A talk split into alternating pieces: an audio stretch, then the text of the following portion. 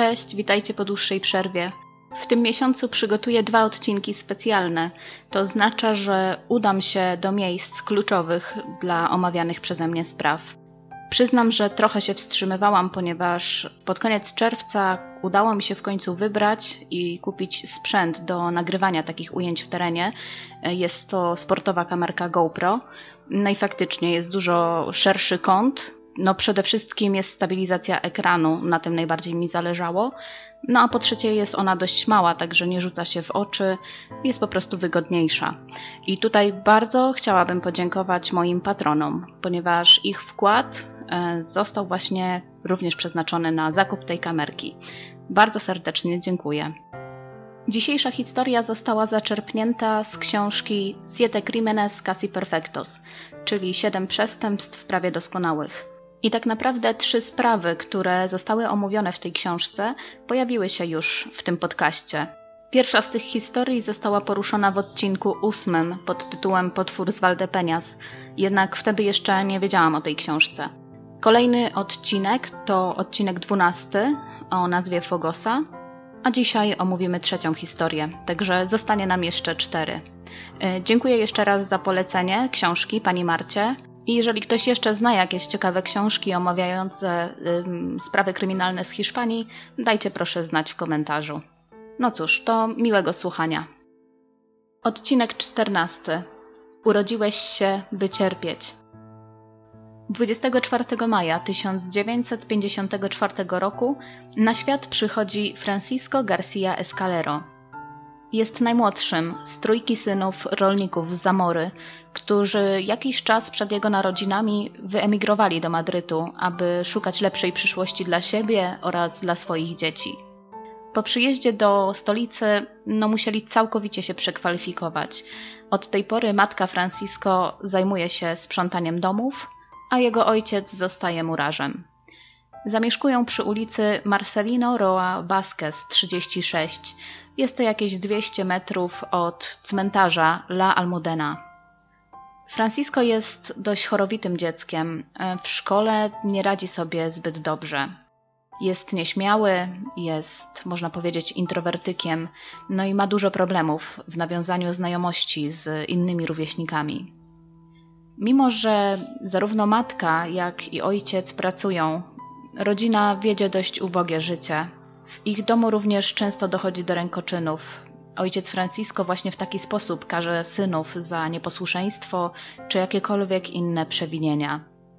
To w końcu doprowadza do tego, że Francisco zaczyna się ciąć. Gdy chłopiec wchodzi w wiek nastoletni, ma już 11-12 lat, a nie ma zbyt wielu znajomych, musi znaleźć jakiś sposób na spędzanie czasu. Coraz częściej odwiedza okoliczny cmentarz. Jest to ogromny i piękny cmentarz o nazwie La Almudena. To miejsce odwiedza coraz częściej i coraz bardziej interesuje się śmiercią. Jego ojcu nie podobają się te codzienne już wycieczki, nie rozumie jego zainteresowań i w związku z tym coraz częściej go bije. To doprowadza do tego, że wkrótce Francisco zaczyna miewać impulsy samobójcze. Zazwyczaj obok ściany cmentarza Almudena zaczaja się, czeka na nadjeżdżający samochód, a następnie wyskakuje wprost pod jego koła. Gdy chłopiec ma 12 lat, wskakuje na jezdnię i zostaje uderzony przez auto. Na szczęście nie doznaje żadnych poważnych obrażeń. Właśnie tego dnia wyznaje ojcu, dlaczego to zrobił. Przyznaje się, że tak naprawdę chciał popełnić samobójstwo. Jednak reakcja jego ojca jest taka jak zwykle, po prostu bije dotkliwie swojego syna. Gdy Francisco ma 14 lat, dalej ma ogromne trudności w nawiązywaniu relacji z innymi ludźmi. W tym roku również zaczyna pić codziennie duże ilości wina. Nie wiem, jakie były ceny tego trunku w 1968 roku, czyli w roku, w którym Francisco miał właśnie 14 lat. Jednak podejrzewam, no, że nie było ono drogie. Na przykład w tej chwili dobre wino można zakupić już za 2-3 euro. E, Francisco w tym roku również zaczął dokonywać małych napadów oraz kradzieży. Także podejrzewam, że właśnie stąd miał pieniądze na to, aby codziennie zakupić butelkę lub dwie. W związku z tym, że chłopiec nie ma żadnych kolegów ani przyjaciół, jego główną rozrywką dalej są spacery po okolicznym cmentarzu, a także eksploracje opuszczonych domów. Nastolatek zawsze nosi przy sobie nóż. Podczas swoich wycieczek w te opuszczone miejsca odkrywa, gdzie zazwyczaj udają się pary, które chcą spędzić ze sobą kilka upojnych chwil. Francisco często podąża za nimi, obserwuje, co robią z ukrycia, przy czym masturbuje się. Gdy ma 16 lat, kradnie motocykl i mimo, że nie jest to jego pierwsza kradzież, tym razem szybko zostaje złapany i umieszczony w ośrodku dla nieletnich. Pozostaje tam przez około 3 lata. Gdy w końcu udaje mu się wyjść na wolność, natychmiast wraca do poprzedniego stylu życia. Pije coraz więcej, a pieniądze na wino dalej zdobywa poprzez małe napady oraz kradzieże. Pewnego dnia w towarzystwie dwóch znajomych, z którymi czasami dokonuje napadów, atakuje parę przechadzającą się w pobliżu cmentarza Almudena. Jednak tym razem nie kończy się tylko na napadzie. Cała trójka dokonuje gwałtu na dziewczynie. Francisco zostaje ujęty i skazany za ten gwałt. Nie wiem, jaki wyrok dostał, ale wiem, że w więzieniu spędził 11 lat. Podczas pobytu w tym zakładzie karnym zachowuje się dość dziwnie. Podczas spacerów na dziedzińcu zbiera martwe ptaki oraz inne martwe zwierzęta, które następnie zabiera do swojej celi. Komentuje to w ten sposób. Z nimi czułem się lepiej. Wyglądam źle i dziwnie, dlatego denerwowałem się podczas spacerowania korytarzami wśród innych ludzi. Czyli po raz kolejny Francisco wycofuje się z Towarzystwa Żywych i otacza się śmiercią. Podczas pobytu w więzieniu pokrywa swoje ciało tatuażami. Szczególny nacisk kładzie na ten, który ma na prawym ramieniu. Tatuaż przedstawia niebieski grób, pod którym widnieje napis Urodziłeś się, by cierpieć. Inne jego tatuaże związane są zazwyczaj z motywami religijnymi, przedstawiają na przykład krucyfiks czy też postać Chrystusa. W 1980 roku, czyli w roku, w którym Francisco ma już 26 lat, zostaje przeniesiony do zakładu psychiatrycznego z powodu halucynacji. Tam dostaje silne neuroleptyki, a po dwóch tygodniach wraca do swojej celi. Dwa lata później, czyli w wieku 28 lat, ponownie trafia do szpitala psychiatrycznego. W raporcie psychiatrycznym z tamtego okresu można wyczytać jego słowa. Zabierają mnie do szpitala, ponieważ w więzieniu bałem się, że coś się wydarzy, ponieważ miałem łatwy dostęp do noży. Dużo piłem i łatwo było o bójkę. Denerwuję się, gdy przebywam wśród ludzi. Nie wiem, co robię. Mogę zniszczyć swoją celę lub zrobić coś innego. W sumie podczas 11-letniego pobytu w więzieniu do zakładu psychiatrycznego trafia kilka razy. Jednak żaden z lekarzy nie stwierdza, że Francisco może stanowić zagrożenie dla siebie czy też innych. Mężczyzna do więzienia trafił, gdy miał 19 lat, także w wieku 30 lat w końcu wychodzi na wolność. Jednak świat, który go spotyka, nie oferuje mu żadnego wsparcia. Francisco na początku planuje zostać kierowcą ciężarówki, jednak ostatecznie nie zdaje egzaminu na prawo jazdy. Mimo to nie poddaje się, dalej szuka pracy. Jednak z przeszłością więźnia, bez wykształcenia, bez żadnych znajomości, nie udaje mu się. Dlatego też po wielu próbach nie ma innego wyjścia, jak żyć z żebractwa. Zazwyczaj żebrze pod kościołem, czasem też na ulicy. Powraca również do małych rabunków. Wszystkie pieniądze, jakie udaje mu się zdobyć, przeznacza na alkohol. W tym momencie pije już od 3 do 5 litrów wina dziennie. Ponadto zażywa narkotyki, czasem nawet kokainę, a także lubuje się w różnych tabletkach farmaceutycznych. Najczęściej wybiera tabletki rohypnolu, które znane były wówczas jako popularny środek uspokajający, a obecnie jako jeden z głównych składników tabletki gwałtu. Po połączeniu rohypnolu z alkoholem powoduje trwającą kilka godzin amnezję. Francisco tak wspomina ten czas. Szedłem ulicą tak, jakbym nie istniał. Obijałem się o ludzi, jakbym nie miał ciała. Patrzyłem na lustro, a w odbiciu widziałem obcą twarz. Nie poznawałem siebie. Myślałem, że to jakiś duch, który wszedł w moje ciało. Słyszałem głosy, które chciały, abym robił różne dziwne rzeczy. Chciały, żebym zabijał i chodził na cmentarze. W marcu 1985 roku umiera ojciec Francisco. To zdarzenie jeszcze bardziej pogrąża go w rozpaczy i powoduje, że mężczyzna całkowicie poddaje się swoim nałogom. W kolejnym, czyli 1986 roku, dochodzi do kilku aktów profanacji na cmentarzu La Almudena. Z początku policja podejrzewa, że musi za tym stać jakaś grupa satanistyczna.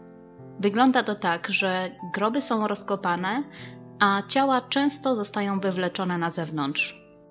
Chociaż tak naprawdę nie ma żadnych śladów po ewentualnych rytuałach satanistycznych, nie ma świec, nie brakuje też żadnych części ciała. To sprawia, że policja coraz częściej patroluje cmentarz. Dzięki temu kilka razy Francisco zostaje nakryty na bezczeszczeniu grobów i za każdym razem trafia na krótką obserwację psychiatryczną, po czym zostaje wypuszczony. Pewnego dnia patrolujący cmentarz policjanci widzą coś, czego nigdy by się nie spodziewali, nawet w najgorszych koszmarach.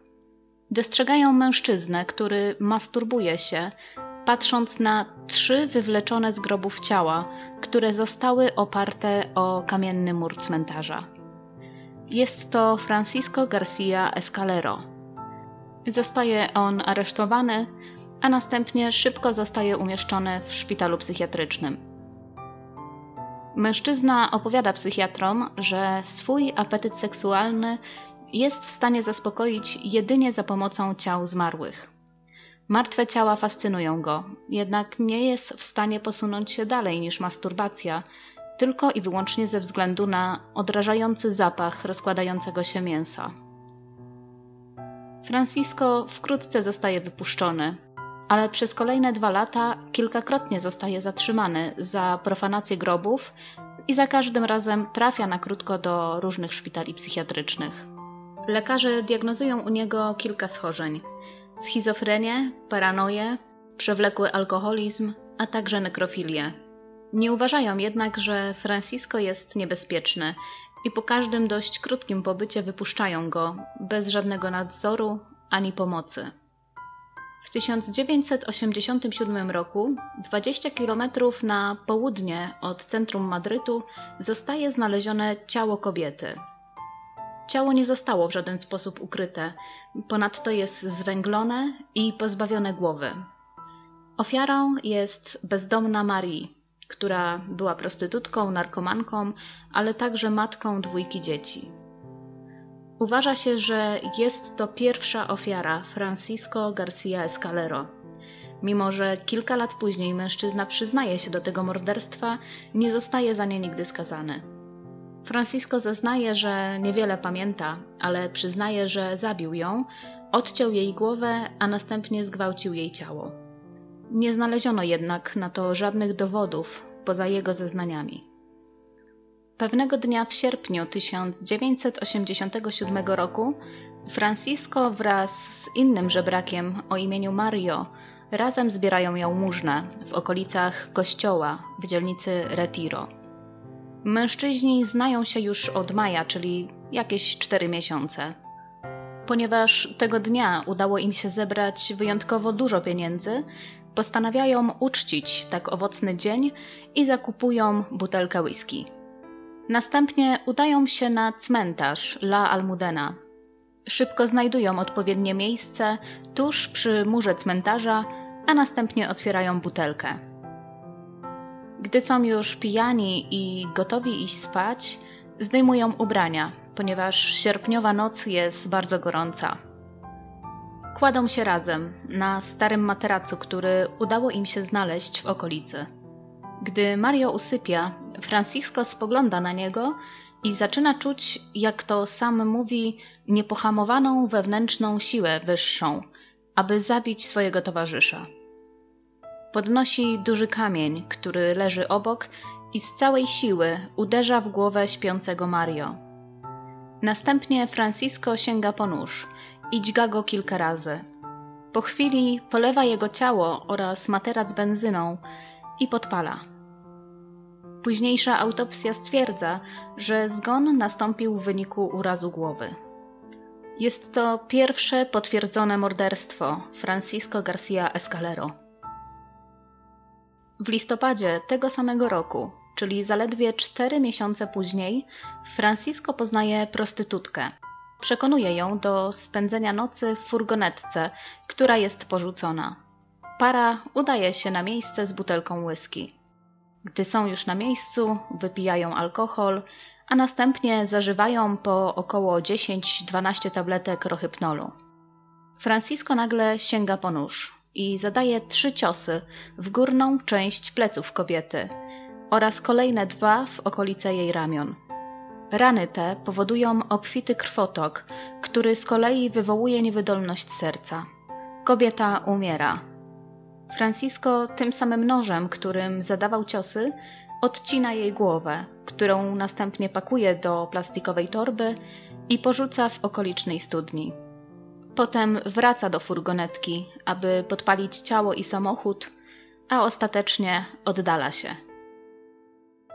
Do kolejnego, trzeciego już morderstwa dochodzi na początku marca 1988 roku, czyli znów cztery miesiące później. Okoliczności są podobne do poprzednich morderstw. Francisco wraz z innym bezdomnym zakupują butelkę whisky i udają się do odludnego miejsca, gdzie będą mogli spokojnie spożyć alkohol. Gdy są już pijani, Francisco czuje przypływ niekontrolowanej siły i uderza głowę towarzysza ciężkim kamieniem. Ten cios powoduje dużą ranę głowy, wyłamanie kilku zębów, a także zmierzczenie górnej szczęki. Następnie Francisco bierze nóż i dźga towarzysza wiele razy w klatkę piersiową oraz w brzuch. W sumie zadaje mu około 50 ciosów. Mężczyzna umiera z powodu ran kłutych. Czwarte morderstwo ma miejsce dokładnie rok później, czyli w marcu 1989 roku. Francisco powtarza swój modus operandi. Wraz z innym bezdomnym wypija butelkę whisky w pobliżu największego dworca kolejowego w Madrycie o nazwie Estación de Atocha. Wraz z alkoholem mężczyźni zażywają tabletki rohypnolu. Francisco ponownie odczuwa nieodwracalną siłę, która zmusza go do popełnienia kolejnego morderstwa. Uderza współtowarzysza kamieniem w głowę, a następnie zadaje 14 ran nożem, które ostatecznie powodują śmierć mężczyzny. Następnie Francisco podejmuje próbę odcięcia jego głowy, jednak nie udaje mu się to. Postanawia więc odciąć opuszki jego palców u obu rąk, co ma na celu utrudnienie jego identyfikacji. Do piątego morderstwa dochodzi trzy miesiące później, czyli w maju 1989 roku. Francisco wraz z kolegą spożywa alkohol i tabletki rohypnolu. Po zażyciu tabletek Francisco niedługo potem zadaje ciosy nożem. Tnie szyję towarzysza z przodu, a następnie z tyłu z bardzo dużą siłą. To powoduje przecięcie tętnicy szyjnej. Zanim jednak jego ofiara umrze, Francisco ściąga mu spodnie, odcina jego penis, a następnie wkłada go sobie w usta. Mężczyzna umiera wkrótce potem z powodu wykrwawienia. W końcu Francisco polewa jego ciało benzyną i podpala. Szóste morderstwo ma miejsce w 1990 roku. Francisco wraz z innym bezdomnym zakupuje kilka litrów wina oraz rohypnol. Wkrótce Francisco zadaje cios kamieniem w głowę, a następnie dźga mężczyznę kilka razy w plecy. Tym razem posuwa się jednak dalej. Oprócz odcięcia głowy, rozcina jego ciało i wyrzuca jego wnętrzności na zewnątrz. Jego celem jest zmniejszenie ciężaru ofiary. Jednak podczas usuwania wnętrzności, Francisco bierze w ręce serce ofiary i nadgryza je. Jak później zeznaje, chciał po prostu sprawdzić, jak smakuje. Ostatecznie wrzuca ciało do okolicznej studni. Do siódmego morderstwa dochodzi rok później. Wraz z niedawno poznanym żebrakiem, Francisco udaje się do oddalonego od miasta miejsca. Zabierają ze sobą alkohol oraz tabletki rohypnolu. Nagle Francisco odczuwa przypływ niekontrolowanej siły i uderza kolegę kamieniem w głowę, a następnie dźga go w plecy. Po śmierci Francisco amputuje jego palec, aby zabrać pierścień, który wygląda na dość cenny. Później pierścień ten zostanie wykorzystany jako dowód. Ponadto Francisco odcina głowy swojej ofiary, rozcina ciało i wyjmuje niektóre wnętrzności, aby zmniejszyć ciężar ciała i w końcu wyrzuca je do okolicznej studni. Kolejną, ósmą ofiarą śmiertelną Francisco jest mężczyzna, z którym spędza noc w jednym z przejść podziemnych. Jest wrzesień 1991 roku. W tym miejscu bezdomni często spędzają noc. Mężczyźni upijają się, zażywają rohypnol. Następnie Francisco uderza towarzysza kamieniem w głowę i zadaje mu kilka ciosów nożem, następnie podpala zwłoki oraz materac. 8 czerwca 1993 roku, czyli dwa lata od ostatniego morderstwa, dochodzi do kolejnego ataku. Jednak tym razem jest inaczej. Francisco wraz z niezidentyfikowanym znajomym namawiają bezdomną kobietę, która cierpi na schizofrenię, do tego, aby ta udała się z nimi do opuszczonego miejsca. Gdy tam docierają, mężczyźni nagle atakują kobietę.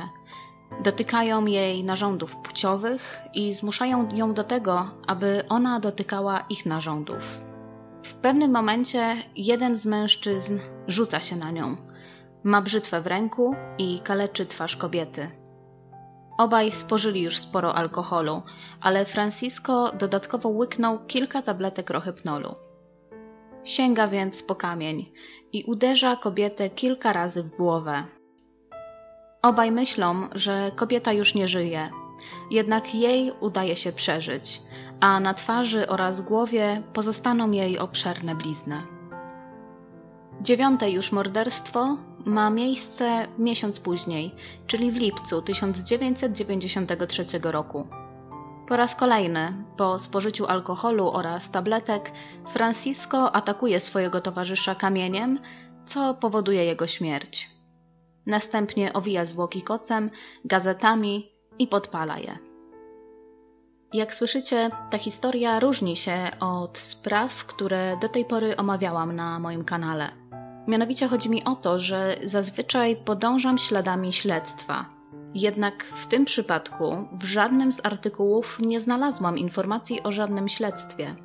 Co prawda, wiele zwłok ofiar Francisco znaleziono dopiero po tym, jak sam morderca opowiedział o tych zbrodniach oraz o miejscach ukrycia ciał. Jednak większość ofiar odnaleziono. Policja nie wiązała ich ze sobą i nikt nie podejrzewał, że w Madrycie grasuje seryjny morderca. Przykra prawda jest taka, że morderstwa były dokonywane na osobach bezdomnych. Nikt nie zgłaszał ich zaginięcia i nikt nie domagał się znalezienia sprawcy. Policja od czasu do czasu trafiała na podpalone zwłoki czy też zadźganą ofiarę. Jednak te śledztwa szybko były umarzane z powodu braku śladów czy też świadków. W związku z tym, że nikt nie zgłaszał zaginięcia tych osób, policja nie miała jak przeprowadzić wywiadu z rodzinami, z bliskimi oraz nie miała jak wytypować jakichkolwiek potencjalnych sprawców. Dochodzimy już do ostatniej śmiertelnej ofiary Francisco i jest to jego dziesiąte morderstwo. Zanim jednak o tym opowiem, chcę wspomnieć, że przez te wszystkie lata Francisco wiele razy trafiał do szpitali psychiatrycznych i zgłaszał się sam. Czasami mówił o swoim uzależnieniu od alkoholu, czasami od narkotyków. Również mówił o halucynacjach, a nawet o swojej niepohamowanej chęci zabijania oraz o nekrofilii. Mówił lekarzom, że obecność innego człowieka wywołuje u niego chęć morderstwa. Zdarzało się też, że przyznawał się do tego, że już kilka razy zabił człowieka, ale nikt nie brał tych wyznań na poważnie. Lekarze uważali, że to wszystko kłamstwo, a Francisco najprawdopodobniej szuka darmowego schronienia. Tymczasem Francisco przez te wszystkie lata, w okresach między kolejnymi morderstwami, dość często udawał się na cmentarz La Almudena, gdzie wywlekał kolejne martwe ciała z grobów, aby następnie móc się nad nimi masturbować. Pewnego razu, gdy lekarz wypisywał go ze szpitala psychiatrycznego, Francisco zaczął grozić pielęgniarkom nożem, aby mógł zostać w szpitalu. Niestety, jedyną reakcją ze strony lekarzy było wezwanie policji, która następnie wyprowadziła Francisco. W 1993 roku, czyli w roku, w którym Francisco dokonuje przedostatniego morderstwa, o którym już opowiedziałam, a także ostatniego morderstwa, dochodzi do różnych dziwnych incydentów. W tym roku Francisco wzywa policję i prosi ich o ochronę. Uważa, że sąsiedzi obserwują każdy jego krok i śledzą go. Innym razem mówi, że zapłaci komuś za zabicie sąsiadów, a jeszcze innym, że podpali paliwo w mieszkaniu, aby cały budynek wybuchł. Nikt jednak nie bierze go na poważnie. Każdy myśli, że jest nieszkodliwym, chorym psychicznie człowiekiem. Co prawda, Francisco żył z żebractwa, jednak zajmował mieszkanie po rodzicach. I w tym samym roku policja ponownie zostaje wezwana do tego budynku, tym razem z tego powodu, że Francisco zepchnął swoją sąsiadkę ze schodów. Kobieta jednak ostatecznie nie wnosi oskarżenia, a policja nie docieka dalej. W lutym tego samego roku Francisco pisze list do sądu z prośbą o umieszczenie go w więzieniu, jednak nigdy nie otrzymuje odpowiedzi. Dnia 9 września 1993 roku Francisco ucieka ze szpitala psychiatrycznego wraz z innym pacjentem, 34-letnim Wiktorem.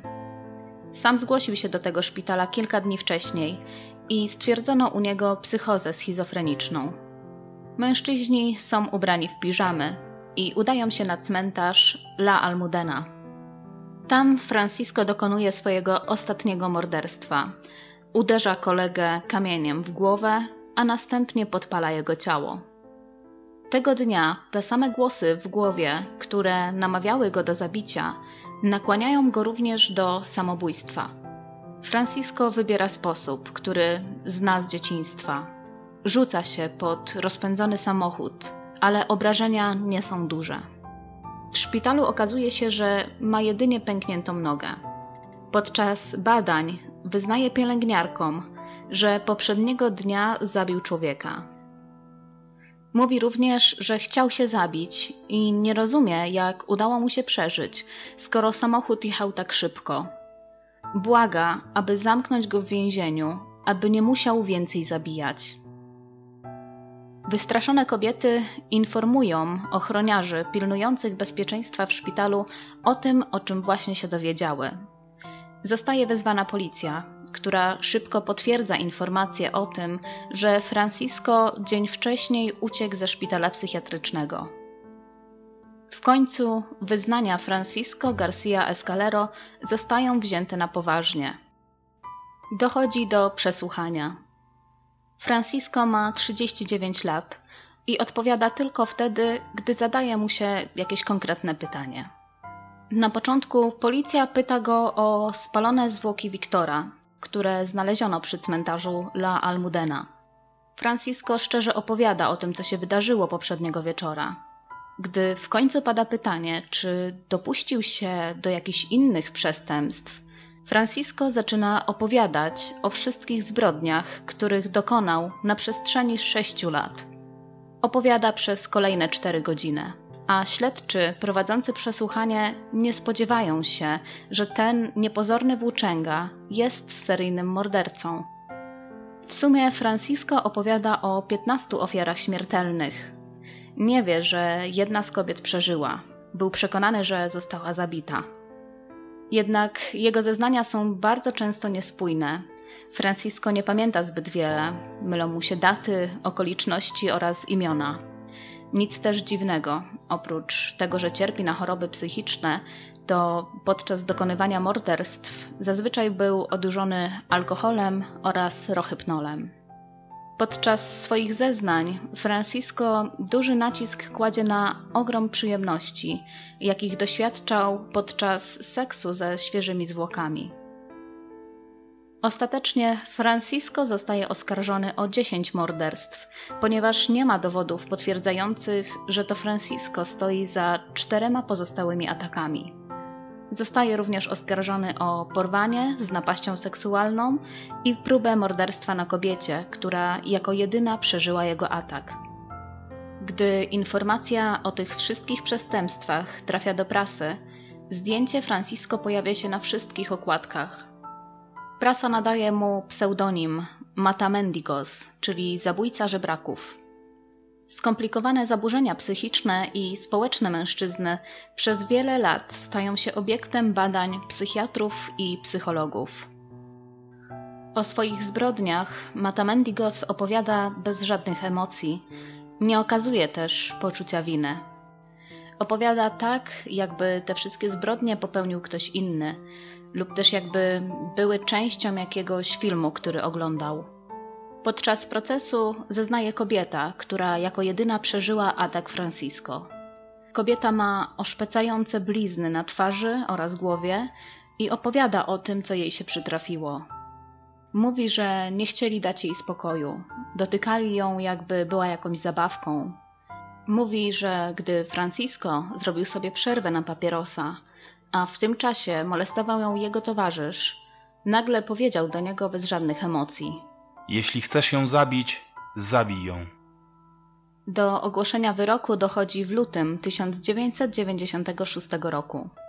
Ze względu na swoją złożoną psychopatologię z diagnozą wielokrotną, czyli schizofrenię, manie depresyjne, przewlekły alkoholizm, zaburzenia skłonności seksualnych, nekrofilię, próby samobójcze itd., tak Francisco Garcia Escalero Zostaje uznany za niewinnego dokonania dziesięciu morderstw oraz jednego porwania, napaści seksualnej i próby zabójstwa. Sąd podkreśla jednak, że Francisco stanowi duże niebezpieczeństwo dla innych, a jego problemów psychicznych nigdy nie będzie dało się w pełni wyleczyć. Istnieje wysokie prawdopodobieństwo ucieczki z otwartego zakładu psychiatrycznego. Ostatecznie więc Francisco zostaje skazany na 30 lat pobytu w zamkniętym więziennym ośrodku psychiatrycznym, z którego po tych 30 latach zostanie przeniesiony do innego zakładu psychiatrycznego. To oznacza, że nigdy nie wyjdzie na wolność. W wielu artykułach można przeczytać, że Francisco stał się ofiarą liberalnej polityki, która po 1980 roku doprowadziła do zamknięcia publicznych, zamkniętych zakładów psychiatrycznych. I tak naprawdę nie było gdzie umieścić Francisco na dłuższy okres.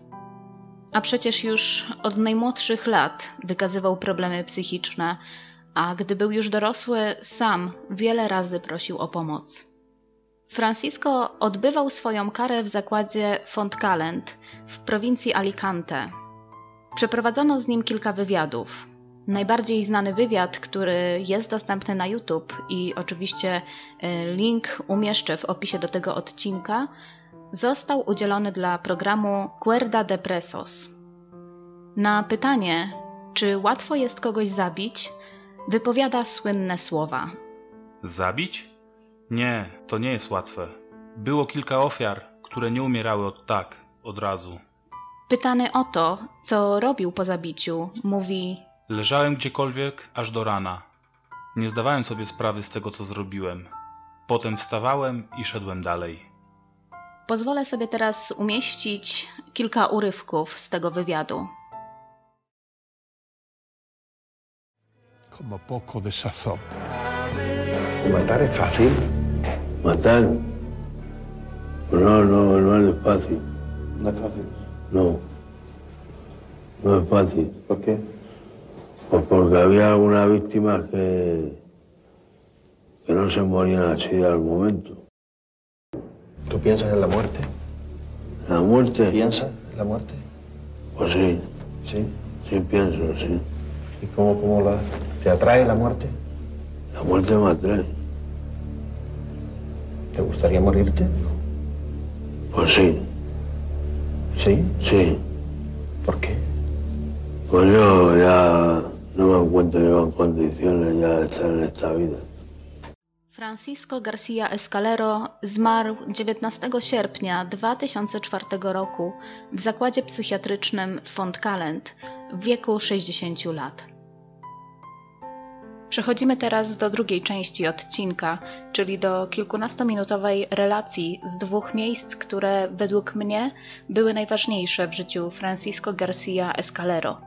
Jeżeli ktoś słucha tego odcinka w formie podcastu, będzie mógł ewentualnie teraz przerwać, ponieważ już do końca bardziej skupię się na wideo niż na przekazywaniu jakichś nowych treści. Zapraszam. Jesteśmy w Madrycie przy ulicy Marcelino Roe Vázquez, czyli przy tej ulicy znajdował się bądź też znajduje się budynek, e, w którym wychowywał się i mieszkał Francisco. Marcelino Roa Vázquez, źle powiedziałam. Dobrze. I będziemy szli teraz tą ulicą, ponieważ na samym końcu będzie już y, cmentarz La Almudena. Szukamy numeru 36.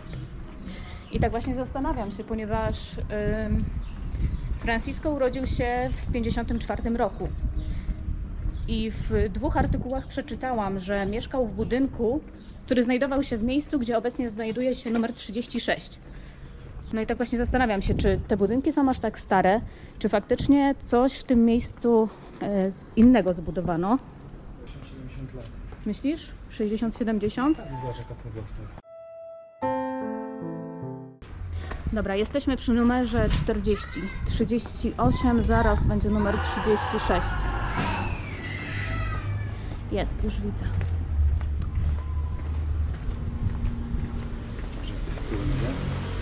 Poczekaj, ja chcę przejść przez ulicę i podejść do tej klatki, zobaczyć ją. No. Tu jest ten budynek, nie wiem jaki jest numer mieszkania. Dobrze, i tutaj według artykułów on miał 200 metrów do tego cmentarza, no i faktycznie nie, nie wygląda, żeby to było daleko. Też nie widzę w okolicy jakichś, nie wiem, placów zabaw, boisk, gdzie mógłby sobie chodzić Francisco, gdy był mały. A ten cmentarz, jak przyjeżdżaliśmy, wydawał się bardzo, bardzo duży.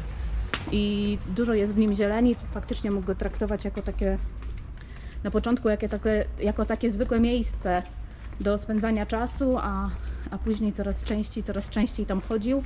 No i zaczął fascynować się i interesować śmiercią.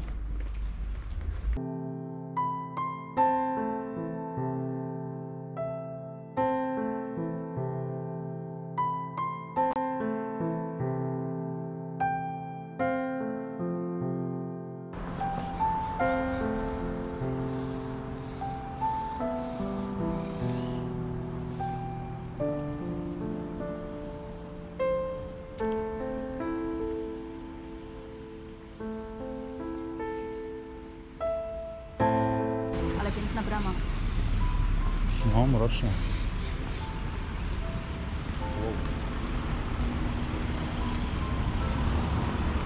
Uważaj, te samochody jeżdżą.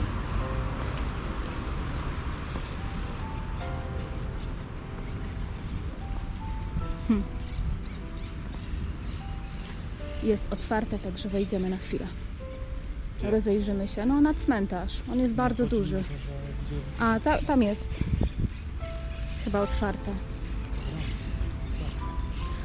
Zastanawiam się, czy to nie jest jakiś główny cmentarz. W sumie blisko centrum. A jak szukałam go na mapach, to znalazłam, że 7 km stąd znajduje się katedra o tej samej nazwie La Almudena i to jest podobno e, główna katedra rzymskokatolicka e, w Madrycie. Także możliwe, że nazwa pochodzi właśnie od tej katedry. Tutaj wejście? Tak.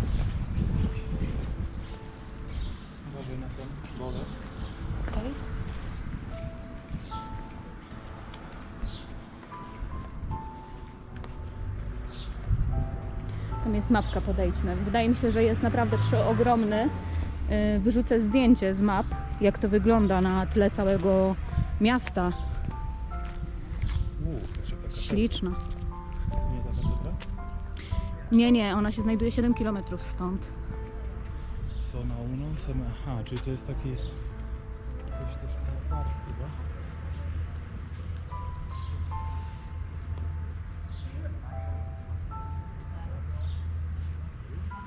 Przejdziemy się kawałek?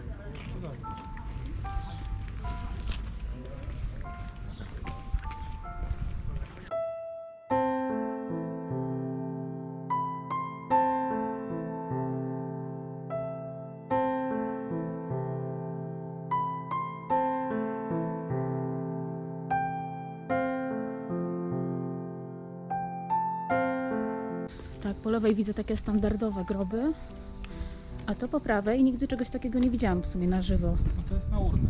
Na urny? Na prochy. Nigdy nie widziałam na żywo czegoś takiego.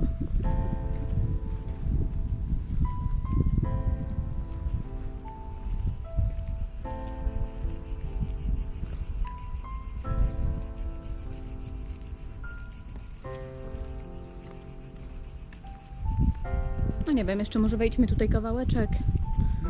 Możemy wracać.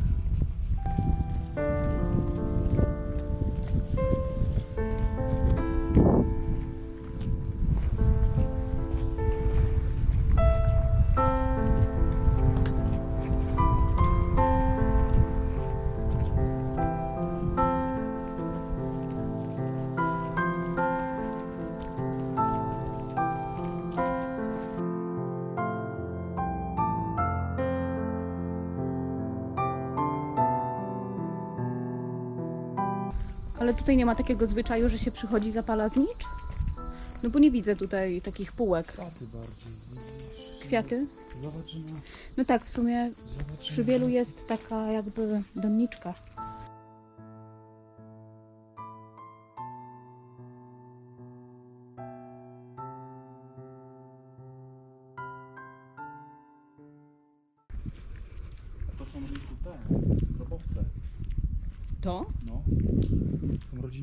Faktycznie, ojej. jakichś takich bogatych ludzi. Hmm. Zobacz, jaki tu grobowiec. No, piękny. I stary na pewno.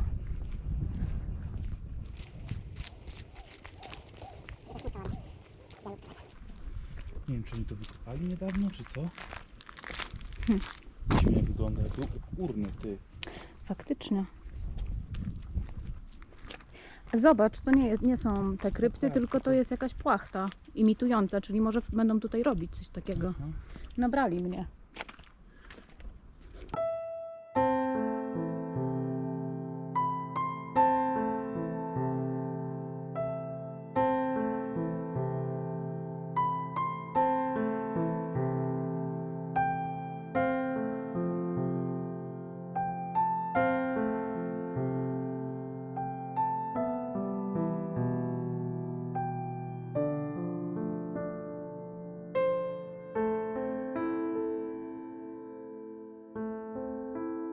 Koniec odcinka 14. Bardzo dziękuję za uwagę, a szczególne podziękowania przekazuję moim patronom, którzy wspierają rozwój tego kanału. Serdecznie dziękuję. Do usłyszenia.